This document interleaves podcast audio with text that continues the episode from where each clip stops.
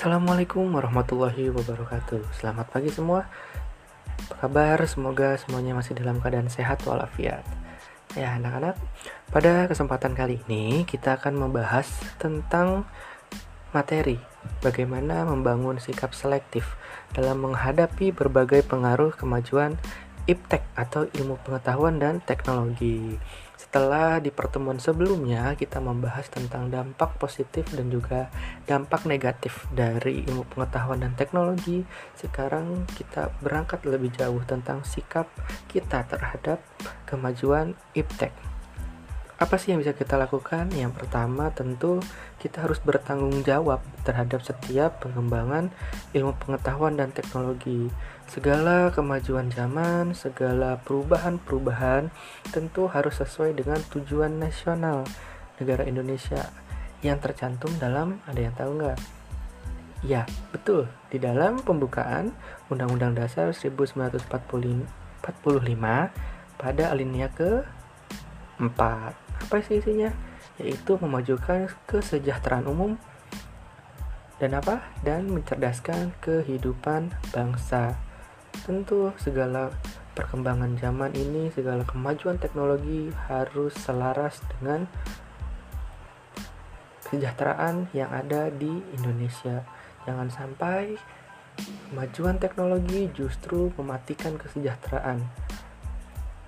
Nah, selanjutnya seperti tercantum pada pasal 33 ayat 3 Undang-Undang Dasar 1945. Coba, ada yang tahu apa bunyinya? Silahkan dicari tahu. Jadi, dalam pasal 33 ayat 3 itu mengisyaratkan bahwa segala sumber daya alam yang ada di Indonesia ini dipergunakan sebesar-besarnya untuk apa? Kemakmuran dan juga kesejahteraan rakyat Indonesia itu sendiri. Jadi, dalam memajukan pengetahuan dan teknologi ataupun melaksanakan era teknologi yang terbarukan, kita harus mengedepankan kesejahteraan bersama. Selain itu, yang kedua, kita juga harus mempertimbangkan analisis dampak lingkungan. Tentu bicara tentang teknologi, kita juga akan bersinggungan dengan lingkungan. Yang namanya teknologi pasti akan berdampak terhadap lingkungan. Tinggal bagaimana kita bisa meminimalisir dampak lingkungan yang akan terjadi. Kemudian yang ketiga, tadi iptek itu harus bermanfaat bagi orang banyak. Bagaimana caranya kalian memanfaatkan teknologi ini bukan untuk kalian sendiri, tapi bagaimana kalian memanfaatkan ilmu pengetahuan teknologi ini menjadi sesuatu yang dapat bermanfaat bagi orang banyak. Contohnya, ada yang bisa tahu? Ada yang tahu nggak? Bagaimana proses terjadinya Facebook, proses terjadinya Tokopedia. Hal-hal seperti itulah yang muncul dari anak-anak muda. Bagaimana dia berpikir, bagaimana caranya. Misal contohnya Facebook, bagaimana caranya kita semua yang ada di dunia ini bisa terhubung satu sama lain tanpa jarak. Kemudian Tokopedia ataupun Bukalapak. Bagaimana caranya kita bisa mendekatkan penjual dan juga pembeli yang berjauhan. Padahal kita sangat ingin membeli barangnya, misal yang ada di luar negeri itu contohnya tuh Amazon seperti. Jadi kita harus mempergunakan ilmu pengetahuan teknologi tersebut sebagai suatu kekuatan untuk apa? Untuk kemaslahatan orang banyak. Dan yang terakhir adalah kita harus selektif. Selektifnya bagaimana? Contoh dalam bidang politik. Sikap apa sih harus kita tumbuhkan? Yang pertama adalah demokratisasi. Tentu, bicara tentang politik harus ada demokratisasi atau segala sesuatunya dipegang penuh oleh rakyat. Jangan sampai uh, ada hal-hal yang tidak dipenuhi hal-hal yang tidak dipegang oleh rakyat karena seperti kita ketahui Indonesia ini adalah negara demokrasi. Jadi tentu demokratisasi segala bidang ini menjadi tombak dari sikap kita dalam menyikapi kemajuan ilmu pengetahuan dan teknologi. Yang kedua, kalian juga harus aktif dalam perhatian politik. Nah, ini yang masih banyak kasus anak-anak ataupun anak-anak muda yang justru apatis, tidak mempedulikan kemajuan di bidang politik karena mungkin merasa bahwa politik itu adalah untuk orang-orang tua dan mungkin politik itu jahat dalam tanda petik. Sehingga ah ya udahlah toh kita juga nggak akan berimpact banyak atau berdampak banyak. Nah itu jangan sampai ada pemikiran begitu. Justru kalian anak-anak muda harus aktif dalam perhelatan politik. Kalau bisa kalian muncul sebagai sosok politikus yang bisa membenahi ini semua Kemudian yang ketiga adalah reformasi dari lembaga-lembaga. Ini tentu bicara tentang kemajuan teknologi harus juga diimbangi dengan terbukanya eh, terbukaan fasilitas negara ataupun keterbukaan informasi publik dari lembaga-lembaga negara itu juga termasuk dalam reformasi lembaga kemudian pemerintahan yang bersih dan juga supremasi hukum. Ini tentu. Kemajuan ilmu pengetahuan dan teknologi juga harus lebih mengedepankan hal-hal tersebut ya. Jangan sampai ilmu pengetahuan teknologi ini menjadi bumerang bagi pemerintahan. Kenapa? Seperti kita ketahui saat ini banyak sekali hoax di mana hoax di mana-mana gitu apa yang harus kita lakukan sebagai warga negara? Tentu kita harus taat terhadap aturan-aturan yang berlaku. Untuk apa? Supaya pemerintahan yang sedang berjalan di Indonesia ataupun yang akan berjalan di Indonesia nantinya mempunyai wibawa, mempunyai kewenangan yang penuh. Jangan sampai karena kita tidak suka kepada suatu Eh, pemimpin ataupun suatu rezim menjadikan kita orang yang sangat membenci itu secara membabi buta menyebutnya. Karena apa? Karena dengan sikap seperti itu justru akan mematikan yang namanya kewibawaan dari pemerintahan itu sendiri sehingga sulitnya pemerintahan yang bersih akan muncul. Kenapa? Semakin kita melakukan kebencian maka akan muncul yang namanya penunggangan-penunggangan oknum dari ide-ide kita.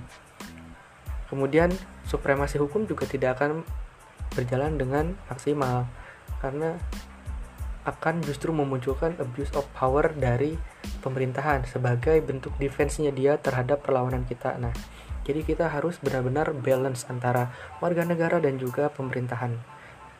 Yang terakhir, apa yang harus kita lakukan di bidang politik yaitu memperkuat posisi Indonesia dalam kancah politik internasional. Itu tadi, jangan sampai wibawa negara ini hancur gara-gara sikap warga negaranya. Justru kita harus membantu pemerintahan yang ada supaya menjadi pemerintahan yang ditakuti di kancah politik internasional. Oke, selanjutnya, sikap apa yang harus kita lakukan untuk menghadapi kemajuan ilmu pengetahuan dan teknologi di bidang ekonomi. Yang pertama, justru kita harus memperkuat penuh produk produksi dari dalam negeri. Yang kedua, kalau bisa dimaksimalkanlah eh, pertanian jadi prioritas utama. Karena sampai saat ini yang namanya Indonesia ya negara agraris, negara pertanian jadi bisa dijadikan prioritas utama. Yang ketiga, industri harus menggunakan bahan baku dalam negeri itu tadi. Industri-industri, ekonomi-ekonomi, semuanya harus berorientasi kepada rakyat. Kemudian yang berikutnya, nggak bergantung sama badan-badan multilateral seperti IMF ataupun Bank Dunia. Yang terakhir, kita sebagai warga negara dan juga sebagai bangsa Indonesia harus mempererat kerjasama dengan negara-negara lain. Guna apa? Guna keberlangsungan negara Indonesia. Tentu kerjasamanya juga harus kerjasama yang sama-sama menguntungkan. Jangan sampai kerjasamanya merugikan salah satu pihak. Selanjutnya apa sih sikap yang harus kita lakukan dalam menghadapi kemajuan ilmu pengetahuan dan teknologi di bidang sosial dan budaya. Yang pertama, kita harus terbuka terhadap inovasi dan perubahan. Bahkan kita harus terlibat langsung dalam setiap inovasi ataupun perubahan. Kalau bisa kita yang membuat inovasi tersebut. Lalu yang kedua, kita harus berorientasi pada masa depan. Maksudnya bagaimana? Maksudnya kita harus membuat sesuatu yang baru. Pikirkan apa yang akan kita butuhkan ke depannya, bukan apa sih yang kita butuhkan saat ini. Paham ya semuanya ya? Lalu yang ketiga, kita harus memaksimalkan ilmu pengetahuan teknologi semaksimal mungkin. Tentu dengan kemajuan teknologi saat ini, kalian bisa melakukan segala hal. Misal kalian ingin berjualan, sekarang sudah ada platform Tokopedia, Bukalapak, Blibli.com, kemudian Lazada dan sebagainya. Kalian bisa manfaatkan itu semua. Kemudian pengembangan pembangunan yang berkelanjutan. Ini harus menjadi inti utama dari bangsa yang siap untuk e, memasuki era revolusi industri atau mungkin sekarang Eh, sedang digencarkan Society 5.0. Bagaimana pembangunan yang berkelanjutan ini mengutamakan ilmu pengetahuan teknologi. Dan yang terakhir, yang paling utama dari ini semua adalah menghargai dan menghormati hak asasi manusia. Kenapa ini menjadi intinya? Karena dengan kita menghormati ataupun menghargai hak asasi setiap orang, maka setiap sikap, setiap perilaku yang kita lakukan tentu tidak akan bertentangan dengan aturan-aturan yang berlaku ataupun norma-norma yang ada di masyarakat. Dengan hak asasi manusia yang kita tegakkan semaksimal mungkin, maka jalannya kehidupan kita berbangsa dan bernegara tentu akan sesuai dengan aturan yang ada. Sampai sini anak-anak, apakah ada yang ingin ditanyakan? Silahkan bagi kalian yang ingin bertanya, tuliskan pertanyaan kalian di kolom komentar. Sampai saat ini, kita cukupkan uh, materi kita pada pagi hari ini. Nanti kita ketemu lagi di pertemuan berikutnya. Terima kasih banyak. Selalu jaga kesehatan dan jangan lupa patuhi protokol kesehatan yang berlaku. Tetap semangat. Saya akhiri. Assalamualaikum warahmatullahi wabarakatuh.